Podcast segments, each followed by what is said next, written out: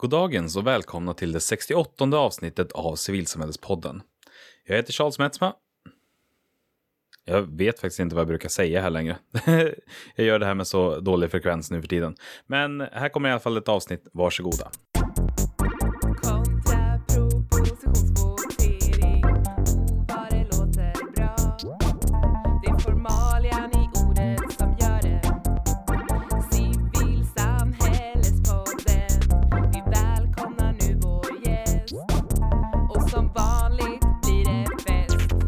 Idag sitter jag tillsammans med Marlene Tamlin som är aktiv i Miljöpartiet och barnboksförfattare. Välkommen! Tack så mycket. Eh, Och idag så ska vi prata lite grann om barn och demokrati. Men innan vi gör det så är jag lite nyfiken på hur du blev en engagerad människa. Ja, det började nog redan i väldigt tidig ålder. Jag, mitt första bevis på detta, det var i ettan eller tvåan och sånt där. I lågstadiet så skulle vi skriva en dikt. Och eh, då skulle vi först ha det som en gruppuppgift och så skulle vi skriva om, om våren och så skrev, skrev vi något sånt där att solen skiner och blommorna knoppar och det är vår. Och sen skulle alla få göra en egen avslutning på den här gemensamma dikten, en sista rad som man skrev själv. Eh, och min rad blev Tills människan förstörde vår värld. Så det säger en del om liksom den eh, kanske världsbild som jag hade redan som sådär 7-8-åring. Men vart hade den kommit ifrån då? Eh, ja, det, jag antar att mina föräldrar var, var medskyldiga. Eh, de hade väl eh, bjudit in mig eh, i, ja, bjudit in mig i demokratiska samtalet, det som jag vill göra nu. Eh, låtit mig få svar på dem när jag har frågat eh, om saker. Och eh, det var väl min egen insikt då kring eh, att mänskligheten ändå höll på att göra en hel del eh, dumheter. Mycket Men, men sen dess har vi blivit mycket bättre, eller hur? mycket bättre. vi håller på med nya och kanske ännu värre dumheter nu. Det är lite, vi hittar på nya dumheter varje, varje decennie. Men, Men- från första klass då och en diktaktivism, vart Mm. tog det vägen sen? Ja, sen eh, tog det väl eh, några år. Jag var ganska engagerad där i låg och mellanstadiet, läste nyheter och skrev insändare och sådär. Men sen eh, kom tonåren och så var det annat som var intressantare en period. Sen flyttade jag till Västerås för att gå på högskolan. Och då var det EU-val precis samtidigt som jag skrev min D-uppsats om EUs jordbrukspolitik. Jag pluggade hållbar utveckling. Eh, och då blev det väldigt tät koppling där till valet och så. Och då eh, började jag aktivera mig. Jag hade varit medlem sedan tidigare men aldrig gått på ett möte och så. Men då började jag aktivera mig i, i Miljöpartiet och då blev det en ganska spikrak eh, eh jag skulle inte kalla det karriär, men liksom eh, insugen i organisationen så som man kan bli ibland i, i ideella och idéburna organisationer. Eh, så att på, ja, efter ett och ett halvt år så satt jag som kommunalråd för Miljöpartiet. Ett och ett halvt år efter mitt första eh, möte. Eh, På Det känns är det. spontant ganska snabbt. Ja, men det är nog ganska, ganska snabbt. Sen har jag de senaste åren har jag mest varit engagerad i eh, riksorganisationen. Sen har jag också haft engagemang i andra föreningar, någon ryttarförening och vägförening. Och, Men var själva liksom inträdet i, i det engagerade då via partipolitiken och föreningarna kom sen eller var föreningarna någon slags för, förspel för politiken sen? Det här med att ge mig in med hull och hår i föreningslivet, det var via politiken. Mm. Eh, Det var det. Men jag hade ju suttit i någon elevråd och lite sånt där innan, så jag, det var ju inte nytt för mig. Men just det här att det blev en så stor del av mitt liv, det var partipolitiken som drog in mig. Mm. Viljan att rädda världen. Då så ska vi prata lite grann om det här med barn och demokrati och anledningen till att vi kom in på det spåret är ju just för att du är på gång att lansera fler barnböcker. Eh, Du har skrivit ett par hittills, men nu var det mer demokrati som blev det intressanta och du, eh, vi är mitt uppe i en Kickstarter just nu för att hitta finansiering till de här böckerna. Berätta mer. Ja, precis. Jo, eh, jag snubblade in på en, eh, en bana som barnboksförfattare här under eh, coronaåret 2020. Um, ehm, Och det är jag väldigt glad att jag gjorde för att jag upptäckte en, en passion och en kreativitet som jag eh, själv inte uh, kände till egentligen i mig. Uh, och det har varit jätteroligt. Och då har jag verkligen kommit igång på det här med, med barnböcker och barnlitteratur och uh, hur man pratar med barn även kring svåra saker. Min första bok var en barnbok om, om corona, eh, Kove och tvålen, där man följer det lilla monstret Kove som försöker göra folk eh, sjuka och den har blivit väldigt populär faktiskt. Eh, och nu har jag liksom tänkt att jag ska gifta ihop det här med min, eh, mitt engagemang, min, liksom över decennier eh, heltidsengagemang i demokrati, samhällsfrågor och hållbar utveckling som jag har hållit på med. Och eh, då påbörjat en, en barnbokserie om ja, demokrati och hållbar utveckling där man får följa Nora när hon ja, deltar i samhället på olika sätt eller lär sig om, pratar med en klimatforskare, går på ett nämndmöte, eh, röstar i ett val och så vidare.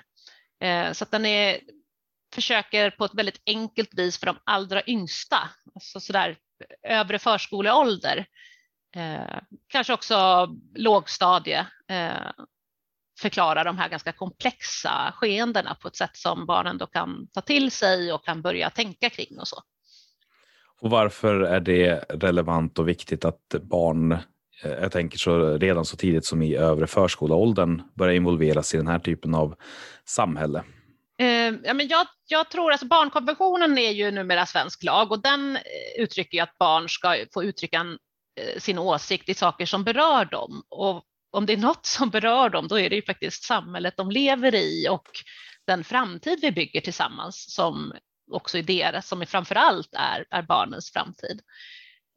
Och jag tror att barn är, väldigt, är mycket klokare än många tror. Eh, det är väldigt lätt att eh, avfärda barns tankar, eh, men de är precis lika viktiga som alla andra. Eh, vi lever i en demokrati och eh, även barn har rätt att tänka och tycka om samhället. Bara för att man inte har rösträtt än så betyder inte det att man inte ska involveras i det samtalet.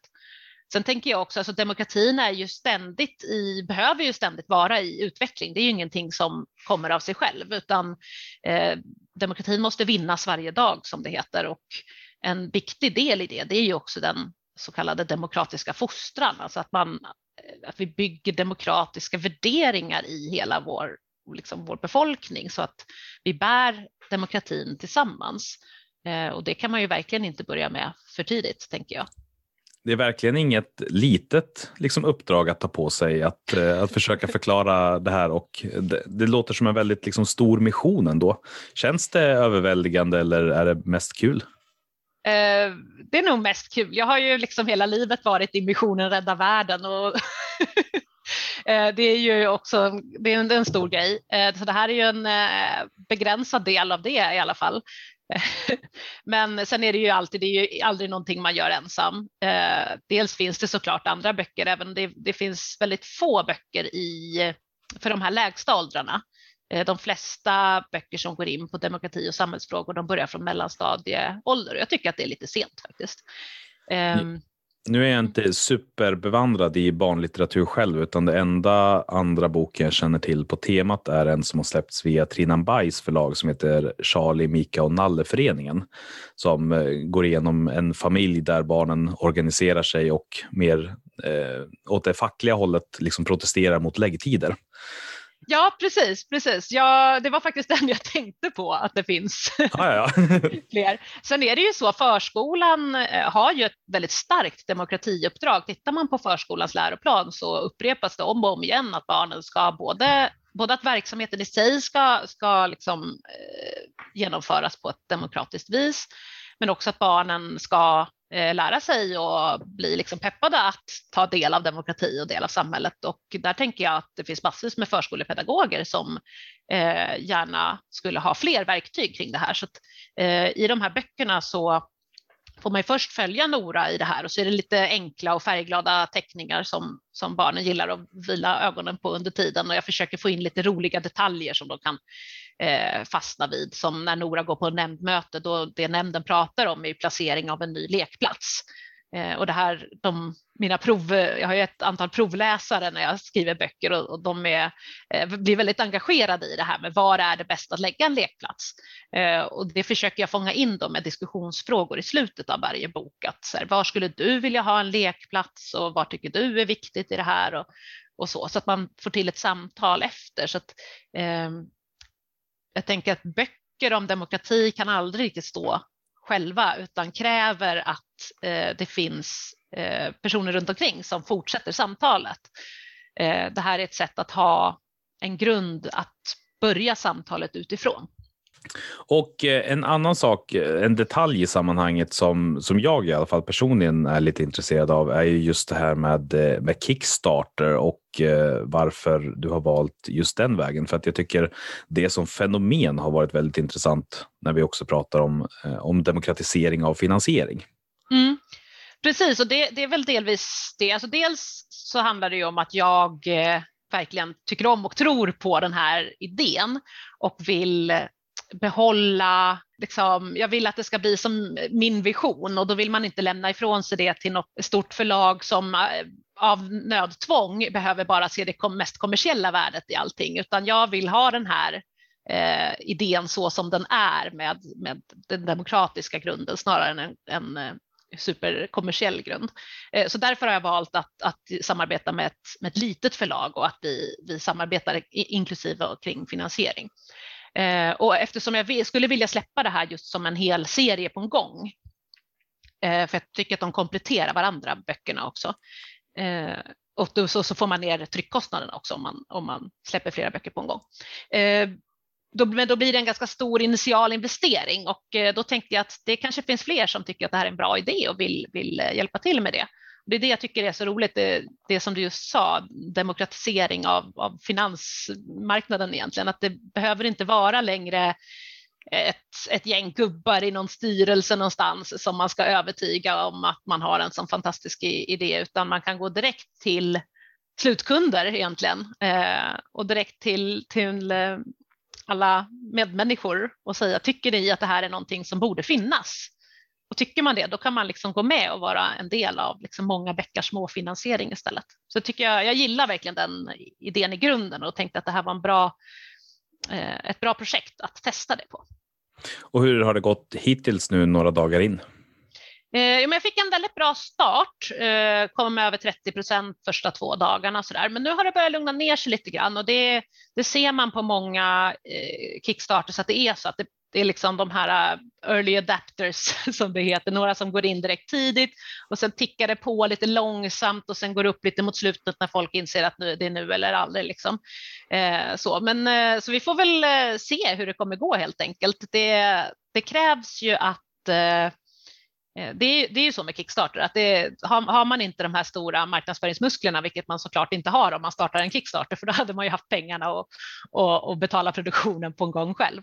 Eh, då krävs det ju att de som vill att, att eh, de här böckerna ska finnas också eh, delar och sprider och, och, och hjälper fler att hitta dem som kan tänkas vilja vara med. Samtidigt så tycker jag att nu har vi hållit på med crowdfunding så länge så att det har verkligen börjat skikta ur sig också för att vissa aktörer arbetar med det som nästan en marknadsföringskanal i sig på något sätt. Eh, där, där de fortfarande små, jag tänker framförallt på typ rollspel. Vi har ju fått en, en jätteboom av svenska rollspel nu igen och många förlag som har varit eh, ganska små men som då heller inte behöver ta så mycket risker utan som vet redan på förhand hur mycket ska jag trycka upp och hur mycket pengar finns det. Man behöver inte, eh, alltså just det också att man får testa intresset kring någonting och inte behöver göra mer av det än vad, vad som faktiskt finns. Alltså både den ekonomiska risken, men, men nu eftersom att jag pratar med dig så tänker jag att det också är relevant utifrån att inte trycka upp mer än, än vad, vad det finns intresse för och så. Ja, absolut. Och det, det där är ju alltid svårt med just eh, böcker för att det, tryckkostnaden Eh, går ner så himla snabbt eh, ju fler du trycker. Så man vill ju gärna, om man vill hålla nere styckpriset och, och därmed också liksom slutpriset, eh, då vill man trycka många, men samtidigt kan man inte sitta med garaget proppfullt med böcker i, i flera år framöver heller. Liksom. Så att visst, det är ju ett sätt att, att, testa marknaden. Sen är det ju lite svårt med de här eftersom jag tror att förskolor kommer att vara väldigt intresserade eh, framöver. Men, men förskolor är kanske inte de som går in i Kickstarters som organisationer, utan det är mer privatpersoner. Så det är ändå lite svårt som marknadsundersökning, tänker jag, just den här Kickstarter. Men det är ändå ett sätt att få såklart eh, sprida kännedom om projektet också. Mm. Eh, så är det, så att man får en lite mer flygande start sen när böckerna väl eh, finns sen förhoppningsvis. Sen har jag faktiskt eh, en, en grej på gång. Jag har för samtal nu med eh, Rädda Barnen för att det var eh, det är flera stycken som har hört av sig och sagt att ja, jag tycker det här är ett så himla bra projekt. Jag skulle vilja stötta det, men jag har ju inga barn i min närhet i, den, i rätt ålder. Hur gör jag då? Kan jag inte få ge bort böckerna till närmsta förskola eller någonting? Så, ja, men det kan du göra. Du kan ju beställa dem och gå dit med dem. Men kan inte du ordna det? Så då pratade jag med Rädda Barnen för de har de köpte in min bok Kovvotvålen, eh, alltså läns, eh, den lokala organisationen köpte in och delade ut till alla förskolor i, i norra Västmanland faktiskt, eh, Kovvotvålen-boken. Och, eh, så jag frågade dem om de kunde vara intresserade av den här också, så nu eh, för vi lite samtal kring det, att det kanske kommer bli möjligt att eh, skänka för de som vill stötta utan att få böcker så kan man skänka böckerna istället direkt till Rädda Barnen. Mm. Sen får vi ju se, alltså även alltså Kickstarten täcker ju inte hela eh, tryckkostnaden heller så som den är planerad utan eh, får vi igenom den då vet jag att vi kör och då kan jag också fortsätta gå vidare mot, mot fler organisationer och se om, om eh, de vill vara med jag har också fått tips om olika, det finns ju många olika demokratiprojekt, extra många i år eftersom det är hundra år sedan eh, vi, eh, ja, fick, både kvinnor och män fick rösta i det här landet. Eh, så pågår det ju många specialprojekt kring demokrati och att man ska liksom, sprida kunskap kring demokrati. Så att, eh, det finns väldigt många projektpengar, det finns kulturstöd och så vidare att söka, men alla de är beroende av att boken redan finns. Man måste mm. ha en, en, eh, produkt, man måste ha någonting färdigt och säga det här vill jag ha stöd för. Eh, och det blir ju lite upp och ner när man är en väldigt liten, eh, alltså en, en liten författare med ett litet förlag, att eh, man ska liksom chansa och se sen om man får alla de här stöden. Eh, så därför tänker vi att Kickstarten är en bra start så att vi vågar gå in i det här och sen kommer vi ju söka allt det där eh, också och se om, om olika delar av, av samhället vill, vill gå in. Spännande. Men om vi rullar tillbaka lite grann till det här med barn och demokrati. Då. Du nämnde ju att ett av eh, de, en av de tänkta böckerna handlade lite mer om det här med lekplatser och nämndmöten eh, och hur, hur det går till i, i kommunalpolitiken i det praktiska. Eh, vad är det för andra teman som, som är tänkta på böckerna? Mm, ja, jag har en, en, lång lista, men, men de som eh, jag tänkte starta med, det är ju den då att gå på nämnd och diskutera lekplatser. Sen finns det en där eh, Nora röstar eh, som också förklarar lite kring eh, vad partier är och eh, vad kompromisser är. Eh, det kan finnas en och annan vuxen som behöver höra om, om det också, det där med kompromisser. eh, och eh, fokus på samtalet, att vi måste prata med varandra, att det är okej att tycka olika och så. Eh, alla kan en... få lite som de vill, tyckte jag det stod i boken. Ja, precis. Alla kan få lite som de vill, men ingen kan få helt som de vill. precis, och sen har jag en eh, nu ska vi se, en om klimatet. Den håller jag på att illustrera just nu med lite ett argt moln som symboliserar eh, vädret som blir på dåligt humör när klimatet är dåligt. Det här gäller att hålla tungan rätt i mun och skilja på väder och klimat. Ytterligare en sak som en del vuxna också kan behöva. Ja, där Nora helt enkelt, hon blir sur på vädret för att hon inte kan åka pulka på vintern för att det inte kommer någon snö och då ringer hon SMHI och eh, får lite förklaringar om varför det är så. Eh, också det, det är en guidebok i hur man blir rättshaverist. Ja, precis.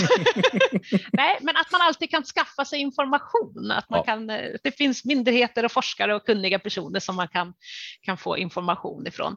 Eh, och så försöker, det är ju en balansgång det där. Eh, klimatförändringarna är ju väldigt läskiga egentligen. Om man, eh, så att försöker göra, inte kanske gå in helt på hur eh, hur allvarligt det är, men ändå förklara varför det är bra och inte att kanske ta cykeln istället för bilen ibland och, och lite sådana saker. Och sen har vi eh, Nora och demokratin. Eh, den hette Nora lär om statsskick först, men jag tänkte nu då skrämmer jag till och med de vuxna som ska läsa den här. Så Nora och demokratin, men den handlar om statsskick. Den förklarar eh, på ett såklart väldigt enkelt vis att vad som är monarki eh, vad är en teokrati, vad är en diktatur och sen att alla de här har ju en massa problem och då varför vi då har hittat på det här med demokrati och hur det funkar och varför det är så himla bra. Eh, Ska vi se, vilken är den femte som jag har eh, skrivit upp? Jag har så många bokidéer så att jag blir förvirrad med vilka jag har sagt att jag ska börja med. Eh, jo, såklart. Eh, slutligen eh, den femte av dem som jag eh, tänkte börja med i den här serien. Som sagt, jag har en hel lista med massvis med olika roliga teman för Nora att, att eh, hitta på. Men eh, den som jag vill ha med här, det är då Nora räddar biblioteket där det lilla kvartersbiblioteket som hon älskar är nedläggningshotat. Så hon och, och eh, två personer, eh, andra personer som brukar hänga på det där biblioteket, de sätter igång en, en namninsamling och skriver insändare och sådär. Startar en liten folkrörelse och räddar sitt bibliotek. Mm. Eh, så den är också så där att alla kan. Eh, min- Min förhoppning är ju just att man ska ge att ge barn verktyg att känna att så här, ja, men undrar jag över någonting, då finns det information att få. Man kan kontakta liksom en forskare, en myndighet. Så eh, vill jag ändra på någonting, då kan jag eh, kontakta det. Liksom, det finns en nämnd någonstans som sitter och diskuterar det här. Jag kan prata med dem. Jag kan eh, liksom, vem ska jag kontakta om jag tycker att de har placerat lekplatsen fel? Liksom? Eller eh, ja, om, om någonting, ens bibliotek eller någonting man tycker om, eh, liksom, att det går och vad man kan göra för någonting om man vill. att Det går att förändra samhället, att det finns vägar. Liksom.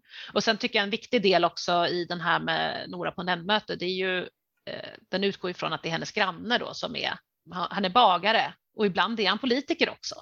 Det är ju också att visa det här att politiker är liksom helt vanliga människor. Det kan vara din granne och eh, det är någonting de allra flesta gör på fritiden och så. Så att det är lite förebyggande mot politiker, det växande politikerföraktet också. Men eh, ett genomgripande tema som på något sätt eh, jag tycker mig skönja i alla fall just det här att, att inspirera till och förstå att, att alla har någon form av makt i samhället, att ingen är maktlös. Att även om det självklart inte är så att alla har samma möjligheter att påverka så är ändå ingen helt utan möjlighet att göra någonting. Precis, precis. Och att, att få en första grundläggande förståelse för hur, hur det sitter ihop och hur det fungerar. Det, det, det är också en, grov, alltså en, en grund till en, en både upplevd och faktisk maktlöshet är ju om man inte vet Mm. var, var bestäms det här? Då blir det den här liksom, ja, de där politikerna, de där, det är, Kommunen. det är kommunen eller det är regeringen eller det är liksom bara det är någon dum där uppe på någon tron liksom som man, man blir arg på och så känner man sig maktlös. Men om man får bygger den här känslan av att man kan förstå samhället, att man förstår var, vem som beslutar vad och, och var och varför och hur det går till. Eh, då vågar man sig ju också in och försöka påverka. Då även om man själv inte sitter på de där stolarna så förstår man, det är vanliga människor som sitter där, man förstår vilken stol man ska gå till och så vidare.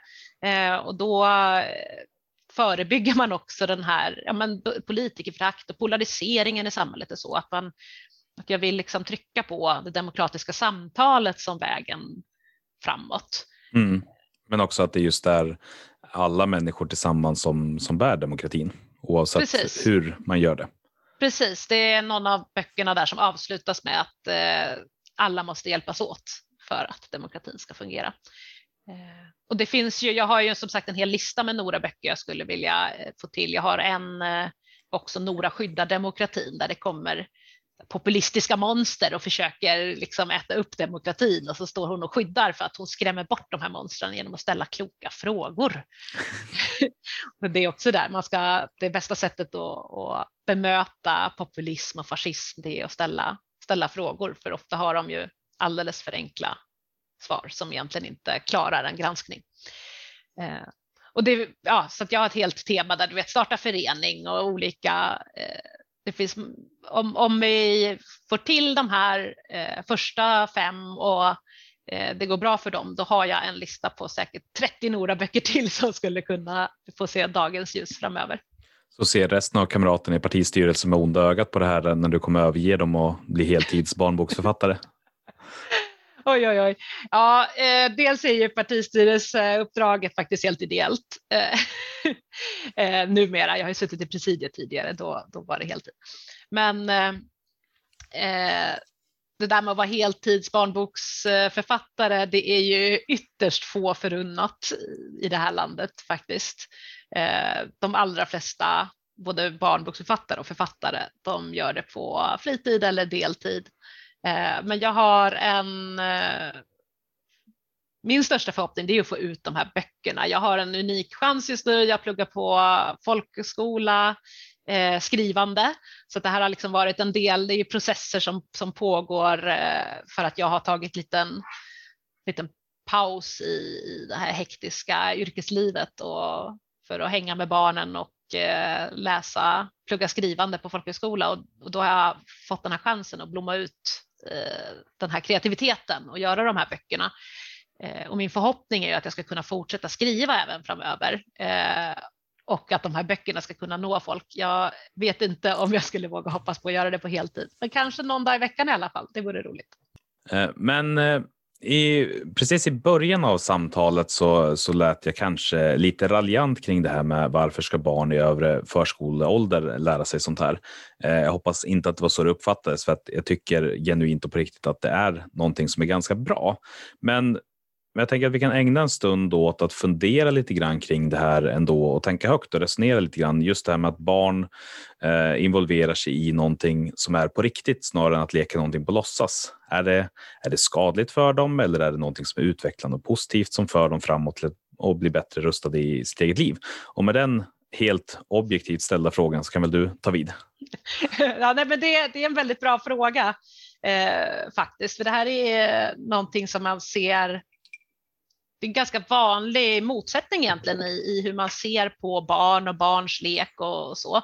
Och min bestämda uppfattning det är ju att alltså det barn vill är ju att vara med och att göra det som deras föräldrar gör, att göra det som deras stora syskon gör, det som deras föräldrar gör. Eh, leken i sig är ju också eh, en del av utvecklingen eh, för barnen. Alltså, barn vill bli självständiga individer och kunna bidra till samhället och liksom ta ansvar eh, för sig själva. Eh, så jag tror att man ska ge barn det som de vill ha och behöver. Man behöver ju liksom inte trycka på dem de hemskaste liksom, eh, realiteterna av, av verkligheten på en gång, men att ändå ge dem verktygen att förstå sin omvärld. Eh, det tror jag är jätteviktigt och det är lite samma sak. Jag, jag föredrar ju att låta mina barn vara med och laga mat vid spisen eh, än att eh, låta dem stå vid en låtsasspis och laga plastmat. Även om de kan tycka att det är roligt ibland också. Eh, men, men jag tror att det är viktigt det här att känna att man även om man är liten faktiskt gör saker på riktigt. Ja, och jag tänker en sån sak som är som jag försöker sträva efter i mitt föräldraskap eh, till mina egna barn är just det här att, att se dem som, som egna människor, eh, trots att det emellanåt är svårt eh, eftersom att de ändå är barn, men att ändå bemöta och behandla eh, dem på samma sätt som jag skulle bemöta och behandla någon annan som gjorde samma saker som de gör. Som när någon kastar eh, mat på väggen, då hade jag fortfarande blivit upprörd på även en vuxen person. Men, men att det liksom, i det vardagliga att försöka liksom möta som, som vilken annan människa som helst. Eh, och Det är därför jag tycker det känns, jag blir personligen väldigt eh, fascinerad och intresserad av just det här, vad kommer hända med ett barn som får de här verktygen tidigt. Och jag tänker inte bara just för att man ska växa upp och bli politiker, utan överhuvudtaget att agera i samhället. Om det inte är så att det dyker upp att man får lära sig att, att vi har en demokrati när man kör S-zon på mellanstadiet. Fast inte så mycket att haka vidare. ja. Um... men det, det som är intressant är, jag, jag gick själv eh, faktiskt Montessori-förskola Eh, det är ju en pedagogisk inriktning som eh, i sig utgår från just det här att se barn som kompletta individer, även om de är under väldigt snabb utveckling. Eh, och inom Montessori så kallar man det som görs på förskolan för arbete. Eh, och det är vanligt missuppfattning där, det är ju att så här, oj, oj, oj, och de Montessori-barn får inte leka. Jo, de får leka, utan det handlar om, om eh, vuxnas syn på barnens lek. Att det är barnens arbete, det är en viktig del av barnens utveckling. Varje lek har liksom ett syfte eh, som man kanske inte ser som vuxen, men som är väldigt, som är väldigt viktig i barnets utveckling och en, en del av att liksom ta nästa steg och, och testa olika eh, sociala situationer eller förstå logiska sammanhang och så vidare. Och, och, det är den synen på vad barnen håller på med som gör att man kallar det arbete inom Montessori för att, för att synliggöra hur viktigt det är att barnen får eh, göra sitt. Och det här är ju något, jag gick ju Montessori då på 80-90-talet och, och, då var skillnaden eh, ganska stor mot den så att säga, vanliga eh, förskolan och skolan. Eh, jag, jag, bytte själv mitt i mellanstadiet och fick liksom lite av en, en eh, chock i, rakt in i en helt annan pedagogik.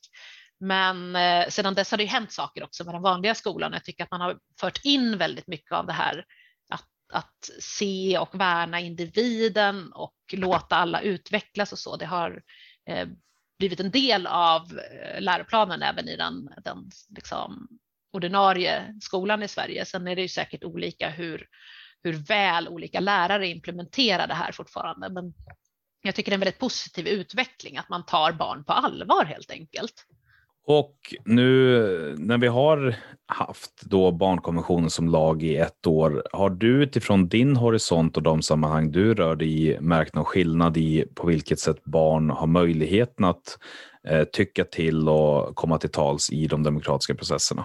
Där måste jag nog tyvärr svara nej, jag har inte sett några så snabba konkreta eh, effekter av barnkonventionen som lag. Så jag tror att det där är Eh, som är det mesta i en demokrati, något som behöver eh, ta lite tid. Jag tror att man eh, det här året har väl kanske eh, mycket handlat om att hitta de krockar som kommer. Att det är nu man upptäcker att vänta nu, barnkonventionen är lag, den säger, då funkar inte det här. Alltså man hittar de här där det skaver mellan eh, lag och praxis eller lag och någon reglering någonstans eller, liksom, eller kanske två lagar och så kommer det ta ett tag att man liksom rättar till det där och fixar till och så. Så än så länge är vi väl kanske i den här eh, leta buggar-perioden, liksom, att, att hitta eh, vad som faktiskt behöver förändras nu när barnkonventionen är lag. Men, men jag tänker, det var lite grann mer det jag fiskade efter, för jag räknar inte med liksom väldigt skarpa, konkreta förändringar på ett år, för att i, i en demokratisk apparat som ett samhälle så är ett år väldigt kort tid. Men jag tänkte mer på just den här, om det har eh, blivit någon värderingsförändring, om, om samtalen känns som att de har en annan aura, i brist på bättre ord. Men alltså om det finns liksom med i medvetandet på något sätt, om det har känns som att det kommer leda till någon påverkan. Ja, men det tycker jag ändå. Alltså, dels måste jag säga att det är ändå begränsat med hur mycket samtal man, man har i dessa tider. Ja. Tyvärr. Uh, så, så det är lite svårt att få den här allmänna känslan. Det är ju alltid de här bok, förbokade digitala samtalen man, man är med i och, och, då får man en mycket mer begränsad uh, eh, omvärldsanalys. Men eh, absolut, jag tycker att det dyker upp lite eh, hela tiden. Alltså man använder att det är lag. Eh, det dyker upp i olika Facebook-trådar och bara vänta nu, barnkonventionen.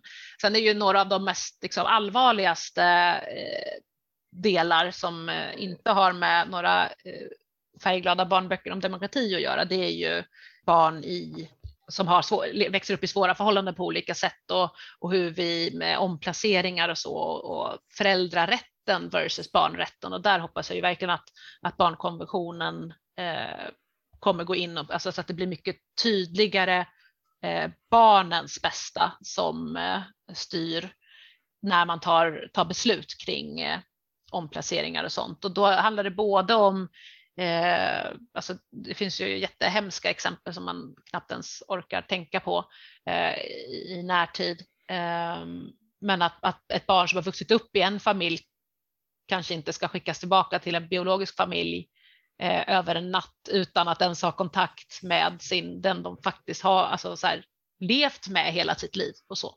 Eh, så att just den här rätten till även andra vuxna, det kan ju också vara eh, Eh, ett barn som har levt med en bonusförälder under jättemånga år som, som barnet ser som sin riktiga förälder men som inte är biologisk förälder och sen om de skiljs åt, eh, mamma och bonuspappa, att barnet, om barnet eh, vill eh, så ska man också se till barnets behov av att fortsätta träffa sin bonusförälder och så vidare.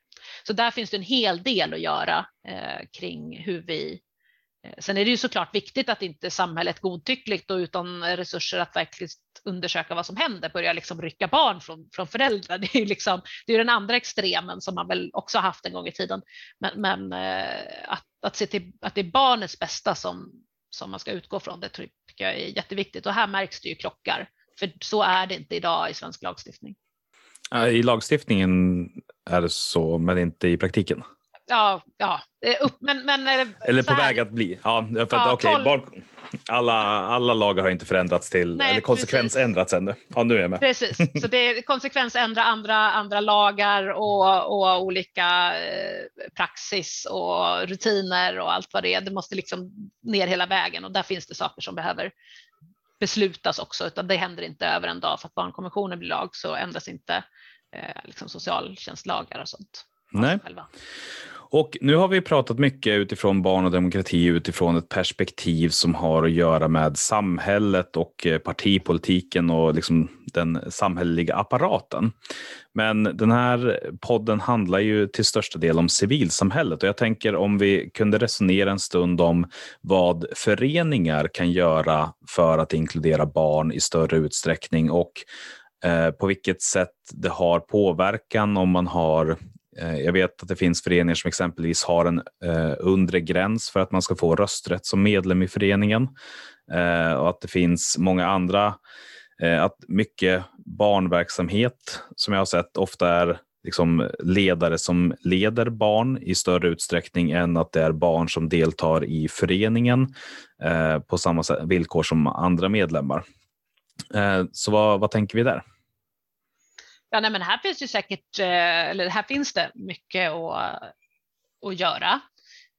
Jag tror att eh, det finns säkert mycket liksom best practice man skulle kunna titta på och utgå från för att det finns så otroligt många fantastiska föreningar i det här landet och några av dem har säkert kommit på jättebra idéer kring hur man involverar barnen även i, i eh, föreningar. Jag tycker det är väldigt fint att, att se när Alltså så här, det, det, finns ju exempel på liksom 9-10-åringar som, som eh, liksom är fantastiska på mötesformalia och eh, eh, liksom gå in och tycka och känna att man har en röst. Och liksom, det går ju absolut att i väldigt tidig ålder ta liksom aktivt demokratisk plats i en förening. Eh, men då måste man också bygga det från början, som du säger, att, att eh, om man bara leder barn Eh, i en förening. Eh, då bygger man inte heller upp det. Alltså det kanske är lite för mycket begärt att tänka att fyraåringar ska ta den eh, platsen, men man kan ändå börja bygga för det genom att förklara hur det går till, hur, hur föreningen styrs och vad man, man kan ju lyssna in innan beslut och så vidare, att liksom verkligen försöka involvera. Sen är det ju det här med åldersgränser och så, det är väl ofta för att man tänker att inte liksom någon vuxen ska göra sina fem barn till medlemmar och få fem röster till. Liksom. Eh, och då, men då ska man ju jobba på det istället, tänker jag, att säkerställa att det är barnens egna röster som hörs eh, och inte genom att förbjuda dem helt. så att säga. För jag tänker om det finns någon slags kedja här så är det ju eh, att börja förstå och få verktyg genom då antingen böcker och i förskolan och liknande. Men sen är det ju mycket i föreningarna som man sen får det praktiska kring, eller där, där det borde vara så att man får den praktiska introduktionen till, ja men okej, okay, hur omsätter jag det här i någon slags verklighet? För att eh, det är ändå en annan dynamik, tänker jag, när man får stötas mot andra människor än sin närmaste familj.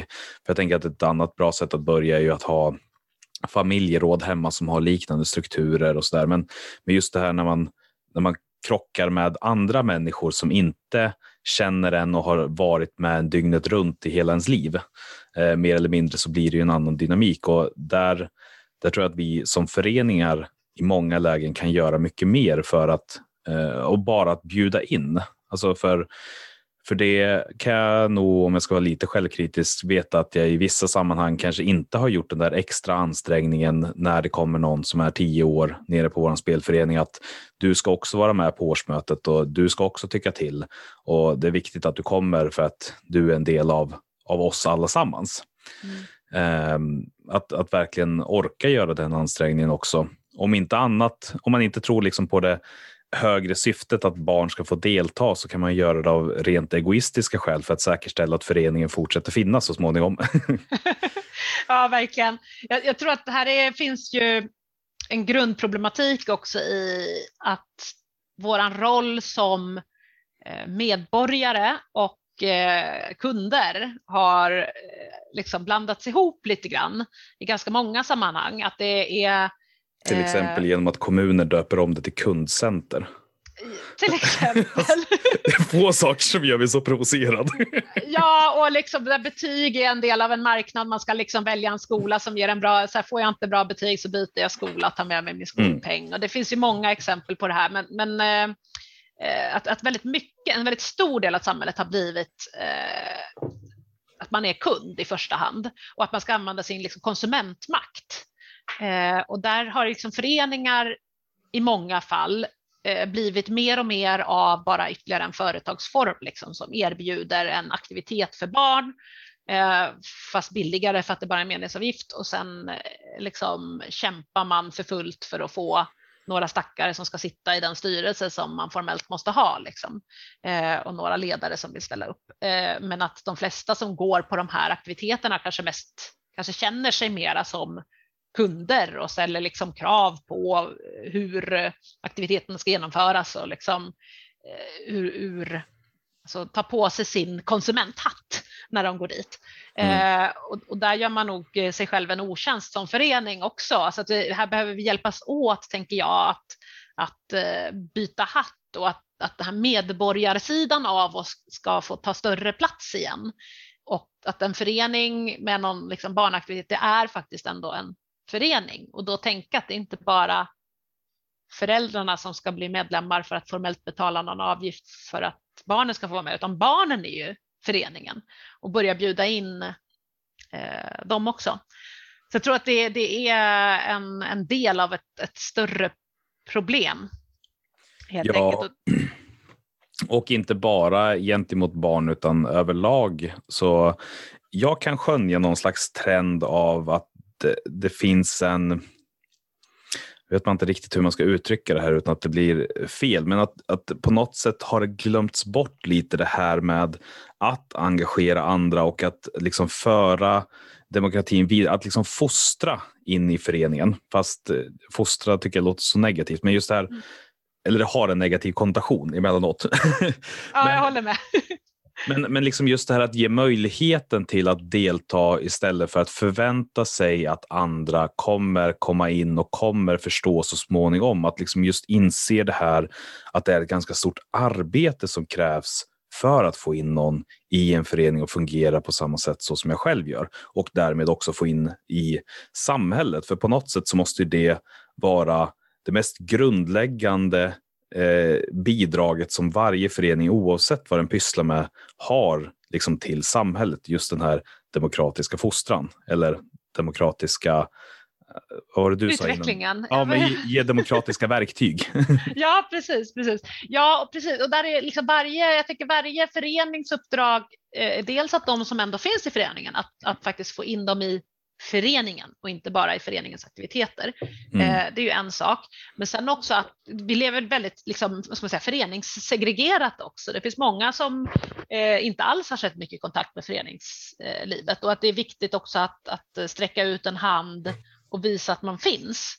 Eh, där tycker jag faktiskt att nu vet jag inte de senaste åren, men, men när jag var, var aktiv kommunpolitiker i Västerås så fanns det den här Try It idag, eller IDA, eh, där liksom massvis med föreningar samlades under några dagar på så här, prova på-verksamhet och sen var det gratis buss och ungdomar och barn kunde åka liksom från hela kommunen och liksom på en dag testa massvis med olika aktiviteter och, och känna liksom vad, vad är min grej och vad känns det som att det fanns folk som jag passar med. Och så det, det, det tycker jag liksom, grundtanken där är ju fantastisk just för att, att eh, man inte ska behöva ha liksom det här att man har jätteaktiva föräldrar som redan är medlemmar i tio föreningar eller som aktivt söker vilka föreningar finns det nu i vårt närområde och in med barnen redan när de är tre. Och liksom, har, man, har man inte haft det, eh, antingen för att ens föräldrar har andra intressen eller för att man kanske nyligen har flyttat till staden eller till landet eller så, då är det ju jättebra om det finns, att man gör gemensamma ansträngningar också för att visa vilket fantastiskt utbud eh, det finns faktiskt av, av aktiviteter och gemenskap eh, i, i vårt samhälle i form av alla dessa föreningar. Samtidigt som jag också vet att många lever i en väldigt liksom pressad situation som ideell där, där man mer eller mindre använder all energi bara för att få, få allting att gå runt så som det är och inte har utrymmet för utveckling. Och just där i de stunderna kan det vara väldigt svårt att liksom hitta den här extra energin för utvecklingen. Men jag tänker att för den föreningen som ändå gör den resan mot det här eh, öppnare och mer engagerande och inkluderande, att den också bör ta med sig frågeställningen hur får vi med barnen in i föreningen när man ändå gör det.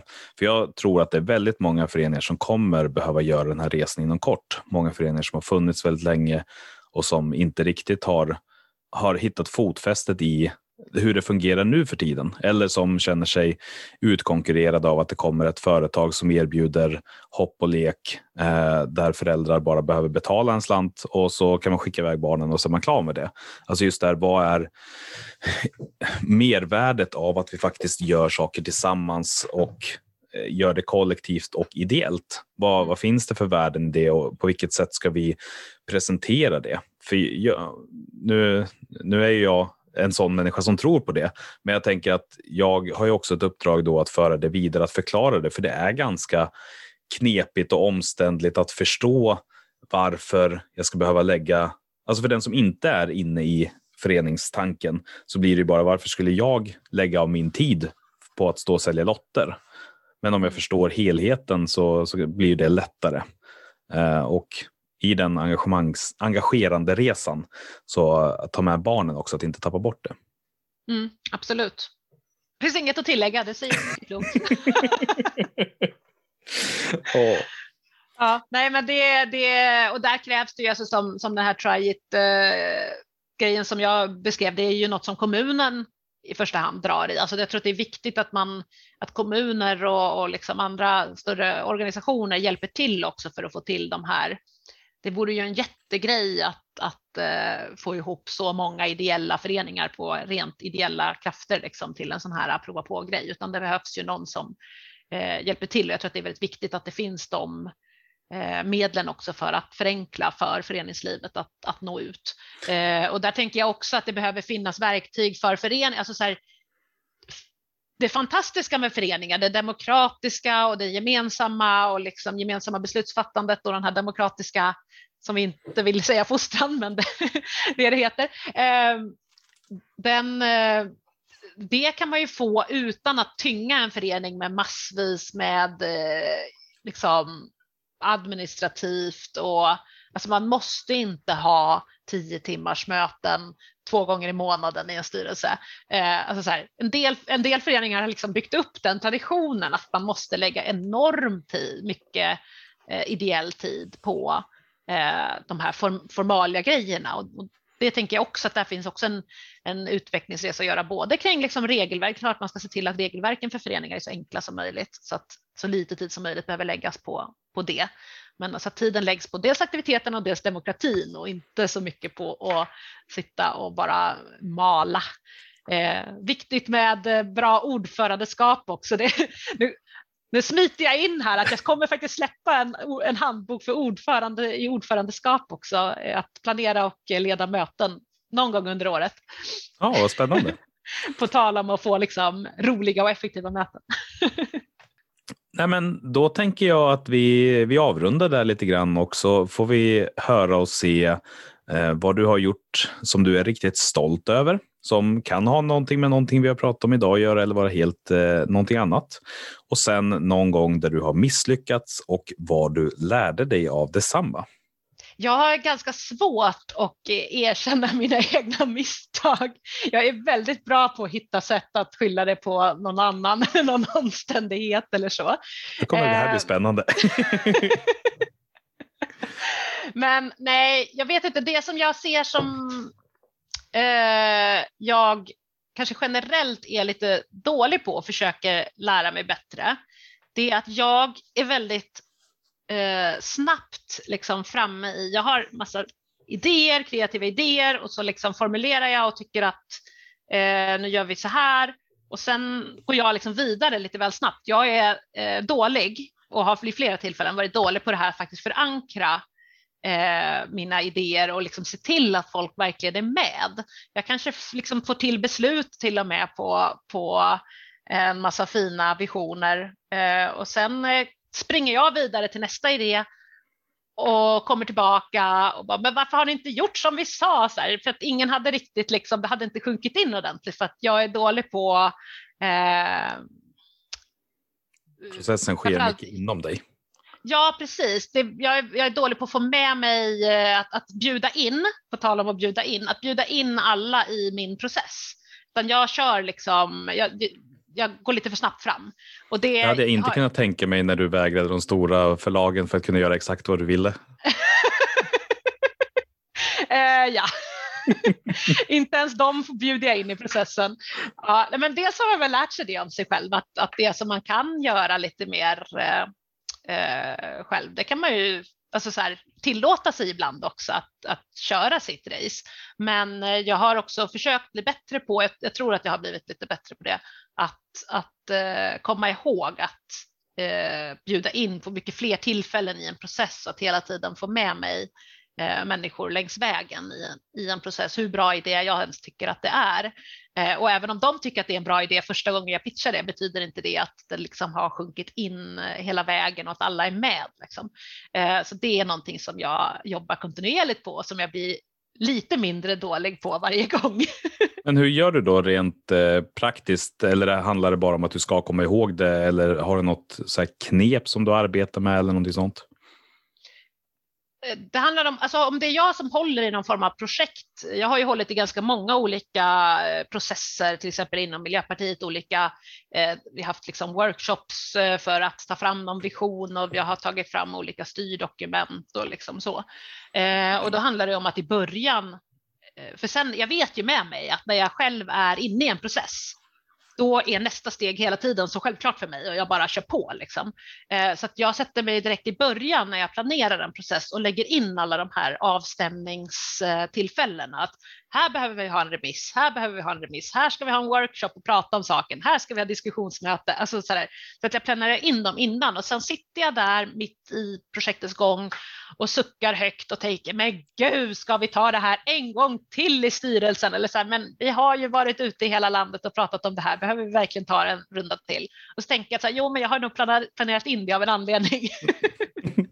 Ja, och så men, försöker jag minnas mina misstag tidigare där jag har liksom kört på för fort och så eh, gör jag det även om jag just då kanske suckar över det. Och ofta så blir det faktiskt väldigt bra för ofta så visar det sig eh, när jag tar den där extra rundan att det fortfarande fanns inte bara eh, tillfälle för mig att eh, liksom förankra utan också att det faktiskt finns fler människor än jag som har bra idéer ibland.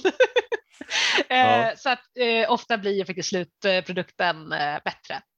Just det. Ändå. Och det har jag ju faktiskt gjort med de här böckerna också. Jag har en sju, åtta testläsare som i rätt målgrupp som får komma med input och så skriver jag om lite och så testar jag igen och så. Så att det hamnar på rätt nivå och är kul också för det ska ju vara roligt att läsa.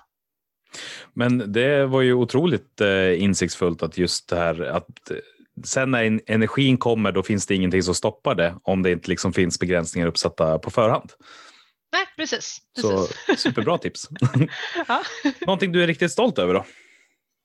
Uh, men just nu, jag är så himla inne i det här med barnböckerna. Jag är jättestolt över att jag vågade ta eh, steget ut i det okända och bara så här, eh, av, hoppa av mitt uppdrag och eh, sätta mig på folkhögskola och liksom våga tillåta mig att vara eh, kreativ utan att ha eh, någon riktigt färdig framtidsplan. Eh, det är jag både glad, glad över för att det har blivit så bra hittills. Vi får väl se. Men eh, hittills har det känts väldigt bra och eh, jag eh, är väldigt stolt över det och jag är stolt över det jag har åstadkommit hittills den vägen faktiskt. Jättekul att höra. Stort tack för att du var med och delade med dig om, eh, eh av dina tankar. Tack så mycket för att jag fick vara med.